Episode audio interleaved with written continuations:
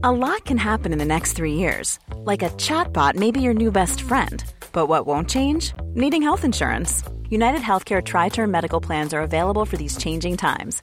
Underwritten by Golden Rule Insurance Company, they offer budget friendly, flexible coverage for people who are in between jobs or missed open enrollment. The plans last nearly three years in some states, with access to a nationwide network of doctors and hospitals. So, for whatever tomorrow brings, United Healthcare Tri Term Medical Plans may be for you. Learn more at uh1.com. Hold up. What was that? Boring. No flavor. That was as bad as those leftovers you ate all week. Kiki Palmer here, and it's time to say hello to something fresh and guilt-free. Hello Fresh. Jazz up dinner with pecan-crusted chicken or garlic butter shrimp scampi. Now that's music to my mouth. Hello Fresh. Let's get this dinner party started. Discover all the delicious possibilities at hellofresh.com. When you're ready to pop the question, the last thing you want to do is second guess the ring. At Bluenile.com, you can design a one of a kind ring with the ease and convenience of shopping online. Choose your diamond and setting. When you find the one, you'll get it delivered right to your door. Go to Bluenile.com and use promo code LISTEN to get $50 off your purchase of $500 or more. That's code LISTEN at Bluenile.com for $50 off your purchase. Bluenile.com code LISTEN. Att mäta eller inte mäta, det är frågan.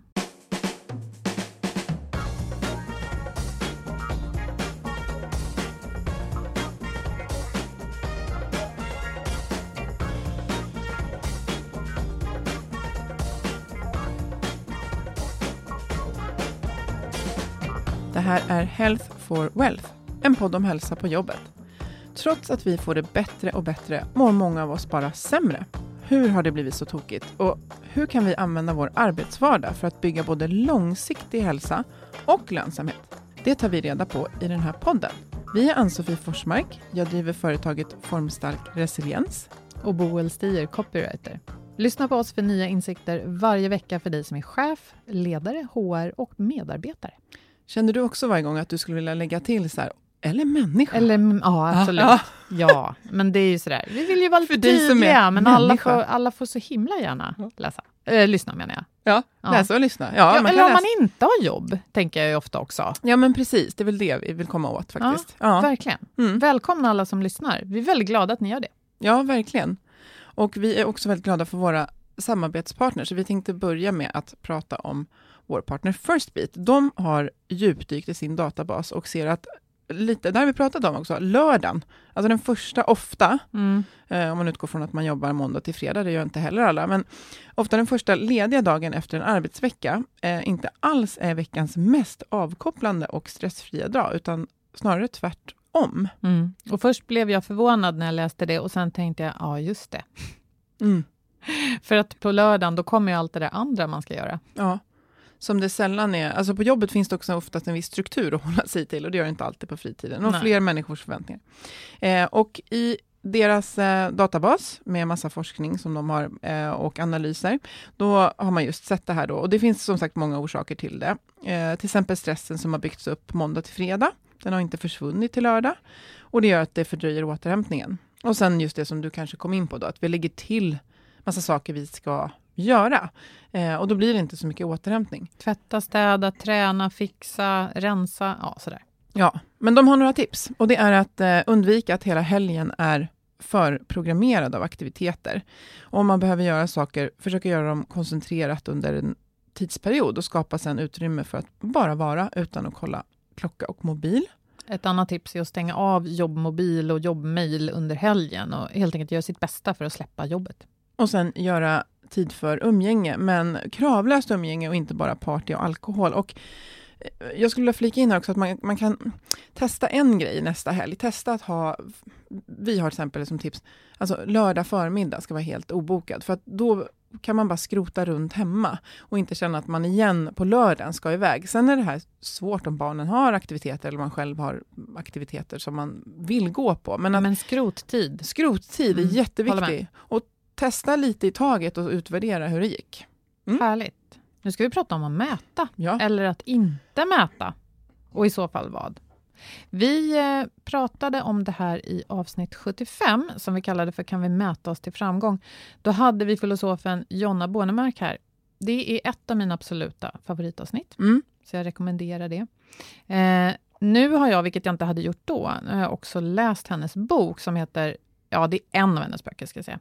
Eh, den senaste. Den heter Det omätbaras renässans, en uppgörelse med pedanternas världsherravälde. Mm. Maffig ja. titel.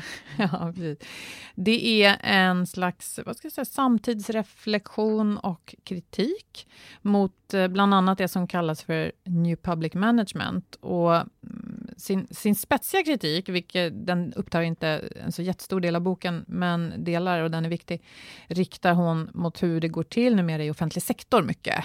Och det vi kan se är att eh, yrkesgrupper som eh, poliser, lärare, vårdpersonal, har fått en otroligt eh, ökad administrativ börda de senaste, säg 20 åren. Eh, man hinner inte med att sköta kärnuppgifterna för att det här New Public Management eh, har alltså skapat en massa eh, byråkrati som gör att man ska inte bara göra sitt oerhört viktiga jobb i de här fallen, utan man ska också säkerställa, säger jag nu med citationstecken i luften, säkerställa att man har gjort det.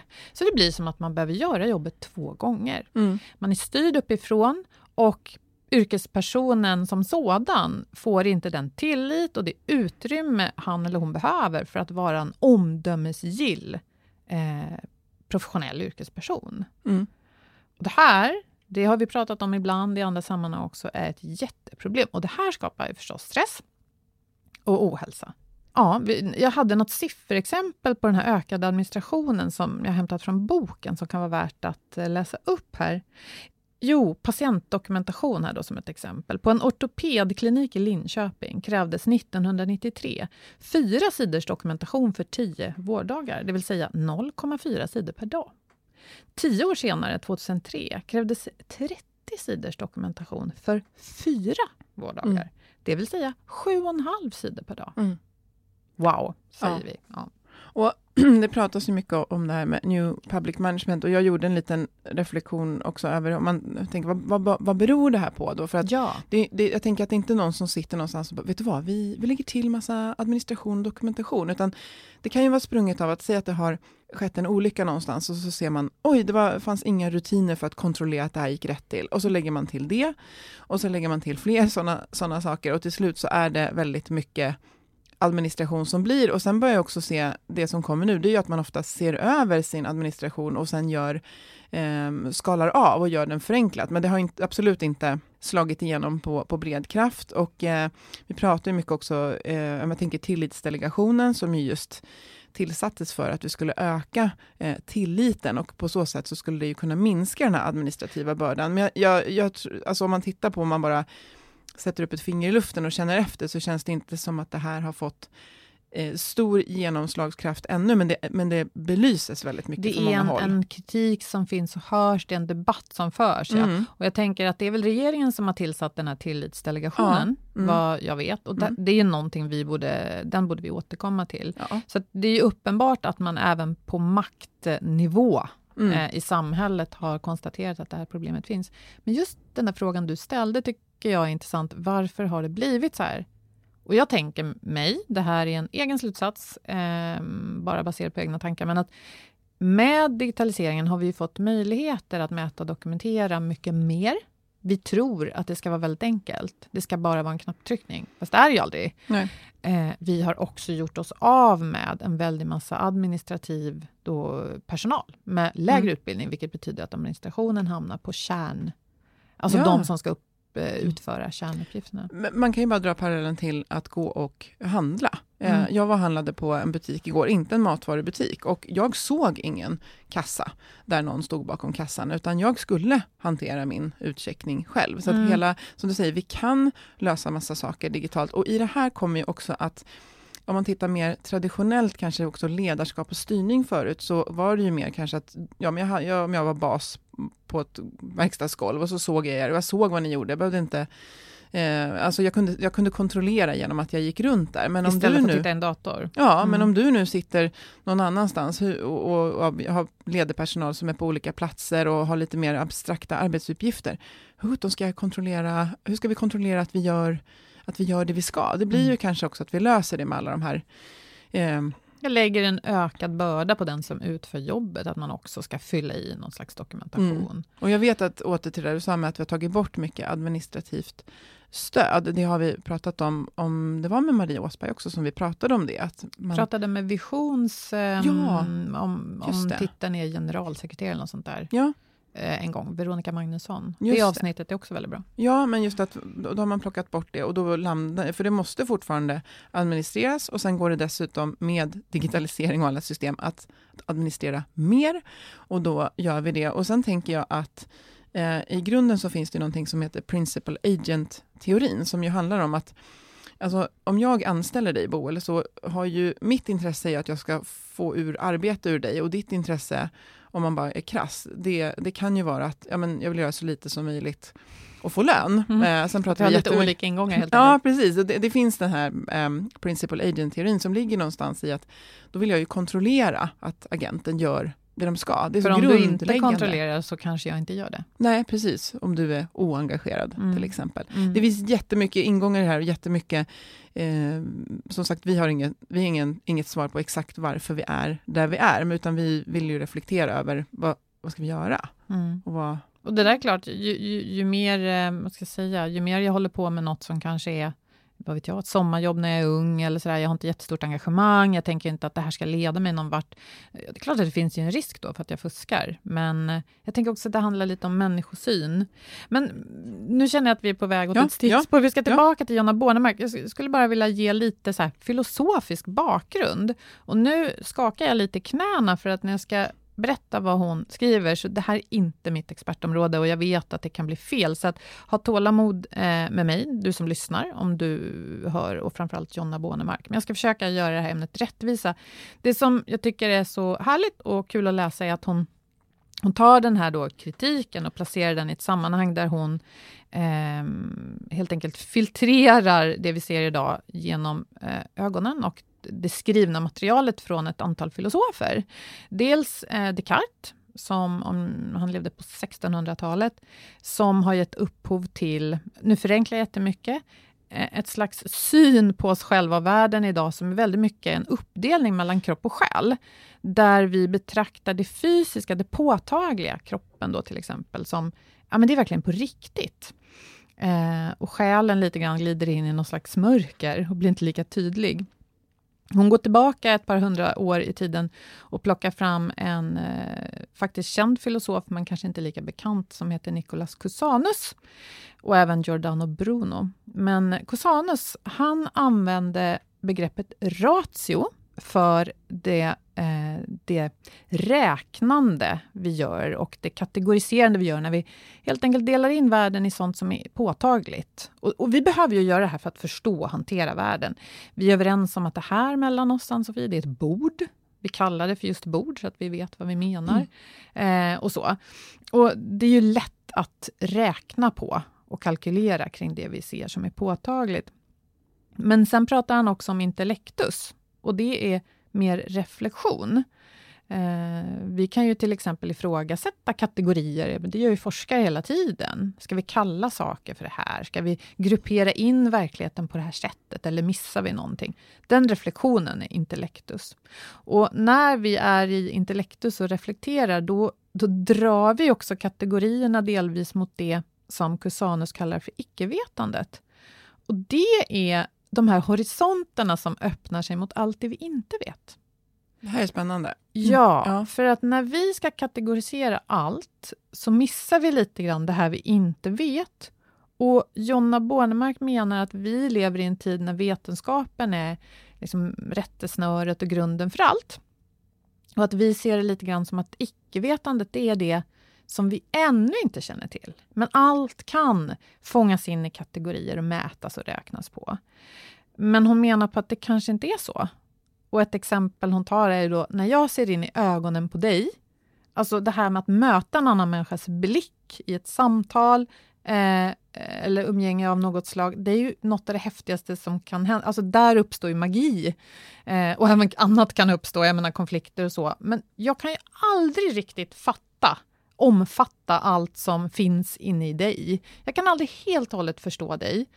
Och det här är någonting väldigt häftigt. Mm. Om man då tar det här resonemanget tillbaka till ett, ett vårdyrke till exempel, där du ska eh, hjälpa och hand om en, en människa, så tycker jag i alla fall det blir väldigt tydligt att du kan inte bara säkerställa kvaliteten i det här uppdraget genom att mäta och räkna på till exempel hur många gånger man har spelat sällskapsspel med de äldre på äldreboendet. Nej, det kanske inte är där kvaliteterna finns. Nej. Och, och, det är den här kritiken som är så spännande, att de här kategorierna vi gör när vi rät, mäter och väger och räknar, mm. de kan aldrig fånga in allt. Nej. Så ja. lite som exempel, exempel, nu för att göra greppbart, att jag kommer in, eh, jag är kanske sjuksyster och är på väg in i ett rum och jag vet att jag ska ge den här medicinen. Men jag ska ju också ge, det är ju väldigt kvantitativt, jag ska ge den här medicinen, den här dosen. Men jag ska ju också ge, bemöta en människa. Eh, och där vill ju inte jag ha en mall, att jag ska fråga fem stycken frågor, utan jag vill kunna se dig och, och se att ja, men jag vill bemöta dig så här. Och vad och, behöver jag idag? Ja, vad behöver du idag? Och det kommer väldigt svårt för mig att sen bocka av kanske på något dokument, att jo men jag eh, ställde frågor rörande mående eller humör eller eh, utan jag vill ju ha utrymme för det. Mm. Och sen när du beskriver det här så får jag den här bilden just att man säger ju mer man vet, desto större blir ytan mot det jag inte vet. Så ju mer jag lär mig, desto mer förstår jag att jag inte vet och ja, att vi det. inte kan fånga in, som du säger, vi behöver, när vi reflekterar det här intellektus, det är då, jag tänkte som exempel, jag sitter mitt emot dig och så skulle vi kunna enas om att det är 40-50 centimeter mellan oss. Det är ratio. Mm. Men om jag frågar Boel, sitter vi nära varandra? Det kräver lite, du bara, nej jag tycker inte vi sitter så nära varandra. Och jag kanske känner så här, jo jag tycker det här är jättenära. Mm. Alltså det är lite mer intellektus. Ja, precis. Vad betyder nära i det här fallet? Ja. Det är ju någon upplevelse och det har att göra med, men hur nära vill jag vara dig? Mm. Mm. Ja, eller hur? Mm. Det, det, där ska vi kunna prata om ett helt poddavsnitt egentligen. Mm. Men eh, Jonna Bornemark eh, nämnde även, eller pratade en hel del i det avsnitt vi har då, eh, sen tidigare, om den här etiska stressen, att när man då inte som yrkesperson får det här utrymmet att vara en omdömesgill person, utan ska styras och kontrolleras hela tiden, då uppstår en etisk stress. Och det är ju framförallt för att när jag ska bocka i en massa dokument huruvida jag har spelat sällskapsspel med eh, dig mm. eller inte, då hinner jag ju inte heller vara lika mycket med dig. Nej. Och då känner jag den här etiska stressen som hon kallar det för, att nu, nu gör inte jag jobbet bra, fast mm. dokumenten säger att jag gör det. Och det här är ju en del i det som leder till ohälsa och utmattning. Mm, verkligen. Att, eh, jag vet inte om... Eh, jag tar plats nu för att få läsa ett citat, för jag tycker det är så mm. himla fint. Jag blev mm. alldeles varm när jag läste det här, eh, ur boken. Så här. Vi lever i en tid och en plats som hör till historiens rikaste och ändå springer vi fortare än någonsin. Och livets mer svårbegripliga delar vänder vi gärna ryggen till. Vi vill så gärna dra fram allt i ljuset. Om någon mår dåligt vill vi förstås genast lindra och lösa problemet. Men tänk om livets mörka sidor måste få finnas där. Tänk om vi bara täcker över dem och pressar dem djupare in i mörkret, när det enda alternativet är ratios problemlösning. Kanske måste vi lära oss vara i skymningslandet att det inte är farligt. Kanske kan vi någon gång ibland hitta en njutning av att vara i icke-vetandets närhet, där världen är öppen och ingen av oss vet vad gryningen för med sig. Mm. Ja, jag gillar det där. Ja, och jag tänker att vi behöver, vi behöver skapa tid för den här för de här, det här icke-ratio, mm. eh, vad det nu skulle kunna då heta. Det behöver inte alltid vara ett mörker, men just att vissa saker går inte att sorg till exempel och vara ledsen, det går inte att kvantitativt lösa genom någon, någon nej, utan... Och det måste ja, få finnas där. Ja, det måste få finnas. Jag tänker att ett sätt att tolka det här som jag läste upp kan vara att svaret på frågan hur mår du måste inte vara ja, jättebra. Mm. Eller det är okej okay att säga mm. att det inte är okej och vi måste inte lösa det på en gång. Det Nej. kan vara liksom viktigt bara att få säga det. Mm. Det tror jag också. Verkligen. Men du, det här med att vi ska mäta väldigt mycket. Det, för det är ju även Jonna Bornemark väldigt tydlig med. Det är jättebra att mäta. Mm. Det är inte så ja, att hon är inte anti, med det. Nej, nej mm. men vi kanske inte ska mäta allt hela tiden. Nej, och jag tänker att det, det kanske är det hon, just att vi behöver lägga mer tid på att reflektera över att det här ska inte mätas som så. För vi, prat, vi pratade lite om det innan, jag sa det, men vi, jag går ju runt och mäter lite hela tiden. Jag mäter, liksom, jag känner av, man känner av. Man känner av hur en stämning är, det är ett sätt att mäta också. Jag känner av, hur, vad behöver jag nu, det är ett sätt att mäta. Men, men vissa saker går inte att liksom kvantifiera i de här typ av, typen av administrativa dokumenten som jag tror att vi vill prata lite om. Eh, och precis, vi, när ska vi mäta och när ska vi inte ja, säg mäta? att jag är chef, ledare, jobbar med HR, jag vill ju då av de bästa intentioner kanske mäta hur, hur medarbetare mår. Mm. Det kan vara en sån sak. Mm. Hur det går i företaget. Mm. Eller hur? Ja, verkligen. Hur cheferna har det. Ja. Så nu har vi varit väldigt filosofiska, men eh, är man i den här rollen så kanske man inte har fått svar på frågan, vad ska jag mäta? Nej. Och, och ska jag det överhuvudtaget? Nej. Så vad säger du då? Nu vänder jag mig till dig. Ja, nej, men jag, jag och jag tänkte att vi skulle eh, prata lite om det som är väldigt på tapeten, som man säger just nu. Men att eh, man säger så, åh, årliga medarbetarundersökningar, de är förlegade, nu behöver vi någonting annat. Och, säger man så? Ja, mycket sägs det så. Och jag brukar fundera över, ja, eh, det kanske känns eh, alldeles för sällan att fråga folk en gång om året hur de har det, men det är ju ungefär som att säga att ja, vi frågar aldrig det i vardagen, vi pratar inte med varandra, så att det enda vi har att gå på, det är vår medarbetarundersökning, medan om jag som chef har tid att leda och så kommer du Boel till mig och frågar så här, hur mår din grupp? Jo, men nu har vi haft lite, alltså jag vet, eh, jag har fingerspitzgefühl på hur gruppen har det. Jag behöver inte titta i ett dokument därför att vi pratar med varandra och vi har en dialog. Eh, och sen så kan det vara fantastiskt att göra en mätning där vi sen kan titta på den och se att wow, eh, nu har vår irritation över IT har gått upp eller det verkar uppstå fler konflikter och så kan vi jobba med det. Eh, men om man är missnöjd med den årliga mätningen, det, kan ju också, det ofta är ju det för att man säger att det har inte hänt någonting. Exakt, det är väl det som är kritiken. Ja, och då är det med att man inte har gjort någonting. Ja. Men det som i alla fall har seglat upp på senare tid, det är ju väldigt mycket, också med hjälp av alla digitala eh, stöd, så kallade pulsmätningar, så där man tar temperaturen på personalen genom väl riktade frågor med massa beteende, psykologi i bakgrunden ofta, eh, oftare. Eh, så. Och jag hör väldigt många företag som vill införa det här. Jag har sett där det går bra. Jag har också sett där det inte går så bra. Och eh, jag hade en eh, mejldialog med min fantastiska vän eh, Helene Salmonsson. Så hon har också skrivit ett, som vi ska länka till, ett, ett, eh, ett inlägg om det här. Och när jag svarade henne så kände jag så här, wow, det här kan vi nog prata om i podden, för det här svarar på några av de frågorna som jag får väldigt ofta och så när jag lyfter ett så finger när jag ska ge råd om hur man ska göra. Så att, eh, egentligen tre saker att tänka på när man vill införa en puls. mätning, ja, ja. pulsmätning. Just. Och då pratade vi om just att det inte var att mäta pulsen på armen som du nej. sa, utan nej, den är bra också att kolla. Mm. Eh, men det första är eh, eh, egentligen att alla chefer och eh, ledare, de bör vara involverade väldigt tidigt i processen. Eh, därför att det är ju de som ofta ska agera på det som kommer fram. Eh, om man frågar till exempel om kränkande särbehandling, eh, så är det ju väldigt viktigt att chefer är medvetna om att de frågorna kommer komma. Och dessutom så kan det också vara så att chefer och ledare har en önskan om vilka frågor som ska ställa, ställas. Så att det inte bara är någonting som till exempel HR-avdelningen sätter ihop, eller en ledningsgrupp, utan att när man nu kan med digitalt stöd fråga, vad skulle ni vilja veta mer? Så kan vi få dem att ge input på det. Så. Jag tänker också en sak att, um, som du sa då, att om man ses ofta i vardagen så har en chef koll på temperaturen i gruppen.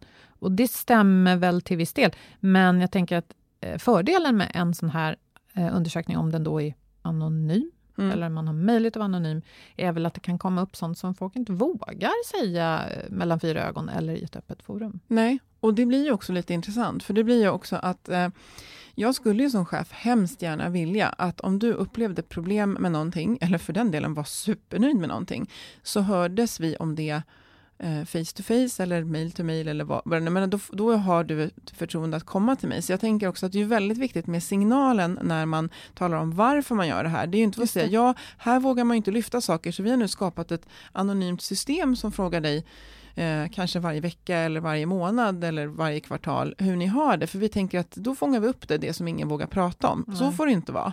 Utan det ska i så fall stötta den vardagsdialog som vi har kollega till kollega och chef och kollega, chef och medarbetare emellan. Mm. Så det måste vara väldigt tydligt, varför mm. lägger vi till det här? Ja, och, så man inte heller eh, får känslan, för, för, så tycker jag det kan vara ibland, att man får känslan av att ha, nu är de ute och ska fiska så här snygga siffror och visa upp utåt. Ja. Man behöver känna att det är en genuin vilja att ta fram både bra och dåliga saker. Ja, och precis, du kommer in på det här att det ska vara också, eh, det var andra punkten, eh, det, blir, det är väl fyra punkter förresten, inser jag nu. Eh, att eh, både mäta styrkor och utmaningar, så att man inte bara letar efter problem. För tänk vad härligt det skulle kunna vara att säga, hörni, nu har alla svarat att vi liksom känner ett stort engagemang för det här nya som vi tar oss an, eller jag känner mig jätteengagerad på jobbet. Här har vi fått väldigt högt. Det här känns jättekul. Det kanske beror på att vi gör de här grejerna. Låt oss hålla i det här eh, som vi gör, som bidrar till det här till exempel. Där ser också plötsligt då, jag som kan vara lite emot mätning, en fördel med att göra sådana mätningar, för att när vi står i en grupp eller sitter i en grupp, så är det oftast vissa som är högljudda, andra som är tysta. Mm. Men har man fått besvara på det här sättet, så kan man ju säga på ett annat vis. Att, mm. ja, men, här är siffrorna höga eller låga. Ja, men just att man kan eh, ta upp några, det verkar som vi är väldigt starka på det här och kanske vid ett möte reflektera, hörni, vi har fått liksom 100% på det här. Vad, vad kan det här bero på? Vad är det vi ska hålla i? Och sen såklart lyfta upp en utmaning. Och vad, vad tror vi att det här beror på och hur kan vi jobba med det här? Eh, för det blir ju just det att det blir ju otroligt viktigt att man ställer frågor om saker som sen eh, chefer och medarbetare tillsammans kan agera på. Eh, för det värsta som kan hända är att man börjar mäta saker och eh, en chef eller ledare då får som en dashboard på hur personalen mår och sitter där och känner att oj, jag har inte en minut till att ta det här. Jag vet inte vad jag ska göra åt det. Jag ser bara att personalen inte mår bra. Vi mm. måste tänka hela linan, hela vägen. Alltså mm. att vi kommer fråga om de här sakerna.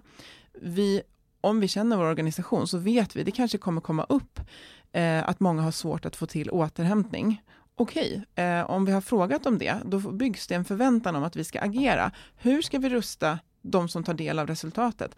Att komma tillbaka och säga, wow, vi har sett att ni har problem med det här. Därför kommer vi agera på det här. Så det mm. kräver, det är lätt att mäta. Mm. Så, det är lätt att skapa jättecoola eh, såna här och skicka ut. Men vi måste ju se att vi också agerar på det som kommer fram. Så mm. det här är verkligen ett arbete där alla måste vara involverade.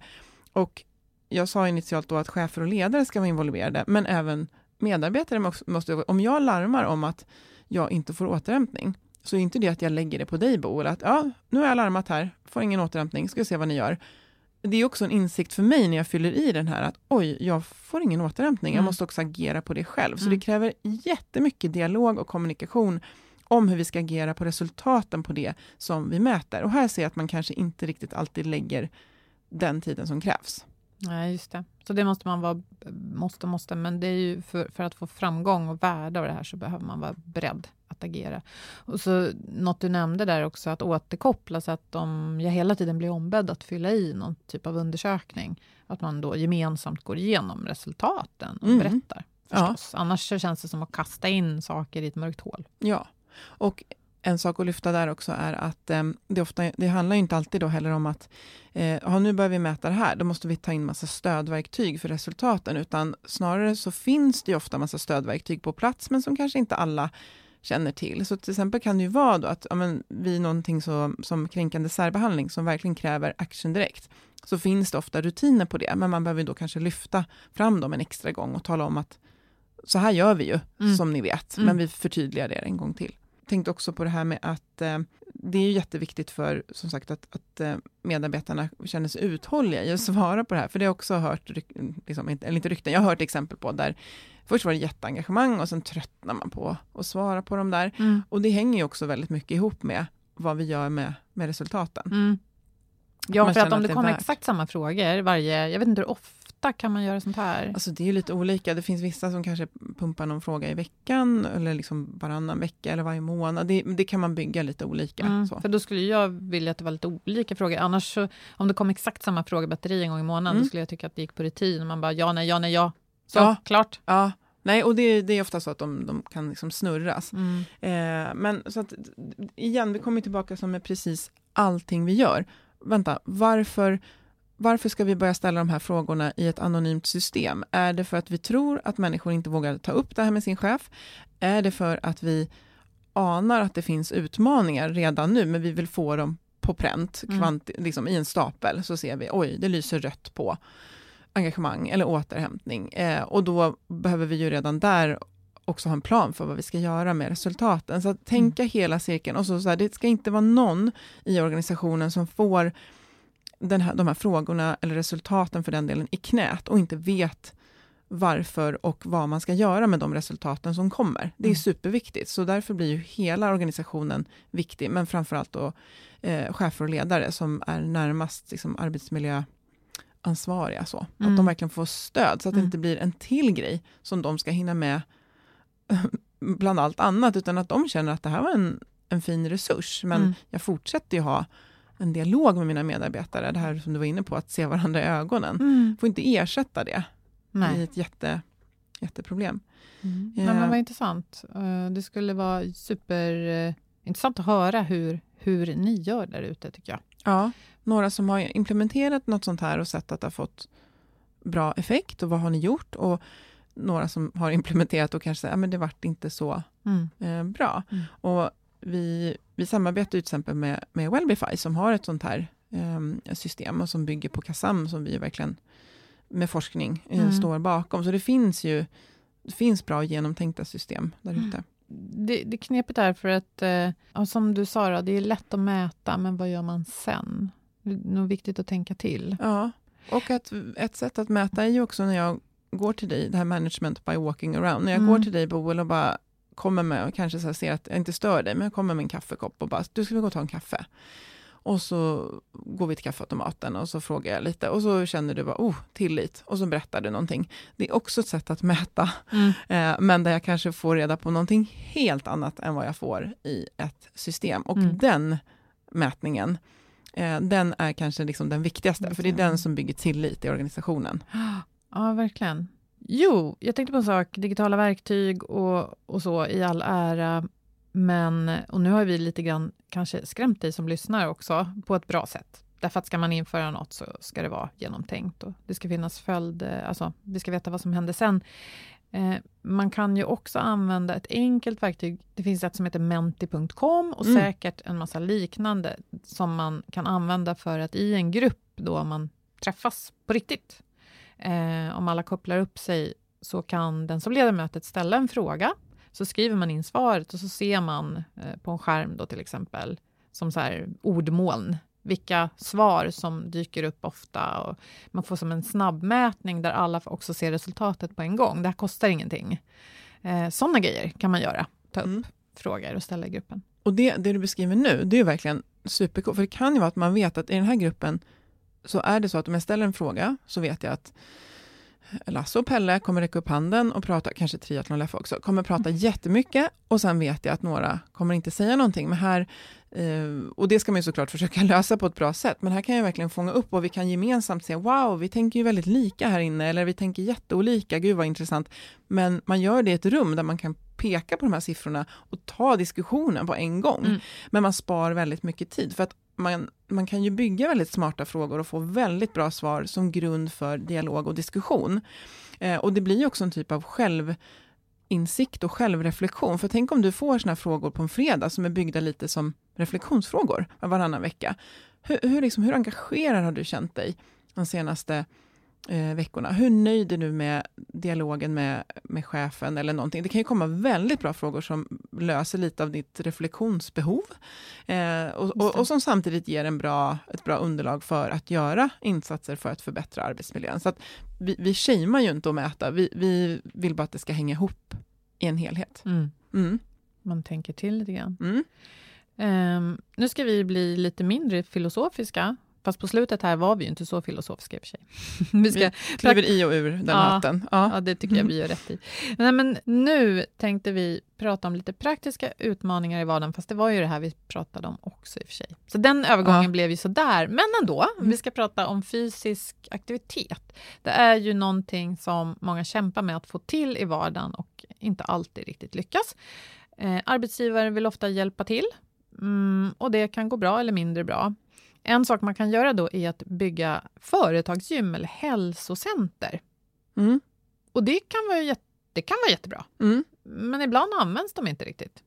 Nej, precis. Och, det, och, och vår partner Twitch Health, de har gjort, hjälpt eh, företag under snart 20 år med att lösa det här så att det faktiskt blir platser som folk använder. Eh, och det har jättemycket med, med ansatsen att göra och hur man bygger upp det. Inte bara vad som finns där inne, men verkligen hur kommunikationen sker och vilka som är med och bestämmer om vad som ska finnas mm. där inne. Och hur man tänker sig att nå de som inte redan är supertaggade på träning. Nej, exempel. och just att om man gör rätt så kan man faktiskt skapa en plats eh, för både hälsa och sociala möten. Och också tänka lite varumärkesbärande. Alltså, så, sådär. Var, var, det blir ju viktigt ur det perspektivet också. Mm. Och då kan faktiskt så många som 80% av medarbetarna nyttja den här ytan. Så det, det gör ju stor skillnad om man gör det på rätt sätt. Då blir det också en bättre investering. Ja. Förstås. Läs mer om hur du lyckas med företagsgymmet på twitchhealth.se under bloggen. Boel, det här är sista avsnittet innan vårt sommaruppehåll, vårt tredje sommaruppehåll. Ja. ja. Och eh, jag får snabbt upp en bild av så här, sol och bad och, och eh, semester. Ska du ha det så? Ja, men jag får också upp en bild av att pussla med barn som är långlediga och föräldrar som jobbar. Ja. Det var ju lite eh, negativt kanske. Nej, jag ser också en massa härligt. Ja. Ledighet och, och vind som blåser i träd och att jag inte sminkar mig och går barfota. Ja, ah, gud vad härligt. Samma här. Och jag eh, tror att många, kanske med mig också, känner att man har... Det är lite svårt att jacka ur den här prestations... Eh, att man, så man bör göra massa saker. Jag brukar säga att Luther sitter som en korp och pickar mig på axeln. Eh, men att som, som tröst eller som stöd så kan man tänka att det här har en viktig plats. Jag känner nästan som jag kommer tillbaka till Jonna Bornemark, men det har en väldigt, väldigt, väldigt viktig plats i vår förmåga att prestera, att vi är icke-presterande och att vi verkligen låter hjärnan bara flyta omkring, eh, läsa böcker som inte gör att vi utvecklar vår personliga effektivitet på jobbet, utan bara som med kan vara lust. njutning. Ja, testa någonting helt nytt. Eh, jag är ett stort fan av att gå mycket barfota. Lägga in att gå barfota på en grusväg, så man får gå riktigt långsamt. Aj, aj, aj. Ja, aj, aj. Och ha tid för samtal och lägga mm. bort mobilen i ett annat rum. Eh, och våga pausa det som man gör i vardagen. Det vill jag verkligen skicka med. Mm, hålla barnen i handen och vara nära ja. varandra. Det, det ska jag göra tid för. Ja. Och, och, att gå ner i tempo. Det kommer ju efter ett tag när man har varit ledig. Att, eh, mm. Minns en kompis sa till mig någon gång när jag hade varit ledig länge. Boel, du går långsammare och rör mm. dig långsammare än vanligt. Och jag, mm, ja, mm. Just det, skönt. Men det finns också en tanke med att vi ska ha, och det är inte alla som får till det, men att ha längre sammanhållande eh, ledighet. Därför att vi behöver det, därför att vi behöver ett tag att varva ur. Och sen är det så att våra hjärnor känner på sig att nu är det dags att börja jobba. Och Alltså verkligen våga koppla loss, för det är...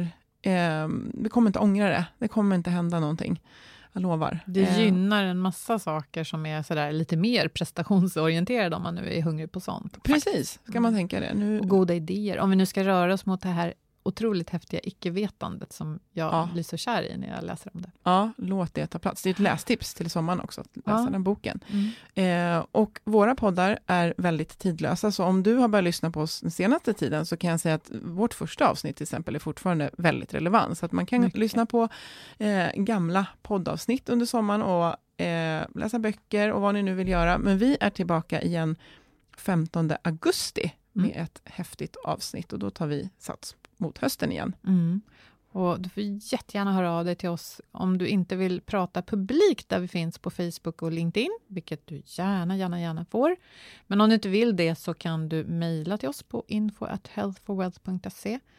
Vi vill höra allt möjligt som du tänker när du lyssnar på oss. Mm. Och önska gäster. För den ja, mm. ämnen och gäster. Så får vi tacka våra samarbetspartner Firstbeat, Twitch Health och Berggren Lahti för den här produktionen och den här säsongen. Mm. Eh, och som sagt, hörs med oss och sköt om er. Ha en fantastisk sommar. Hej då! Hej då!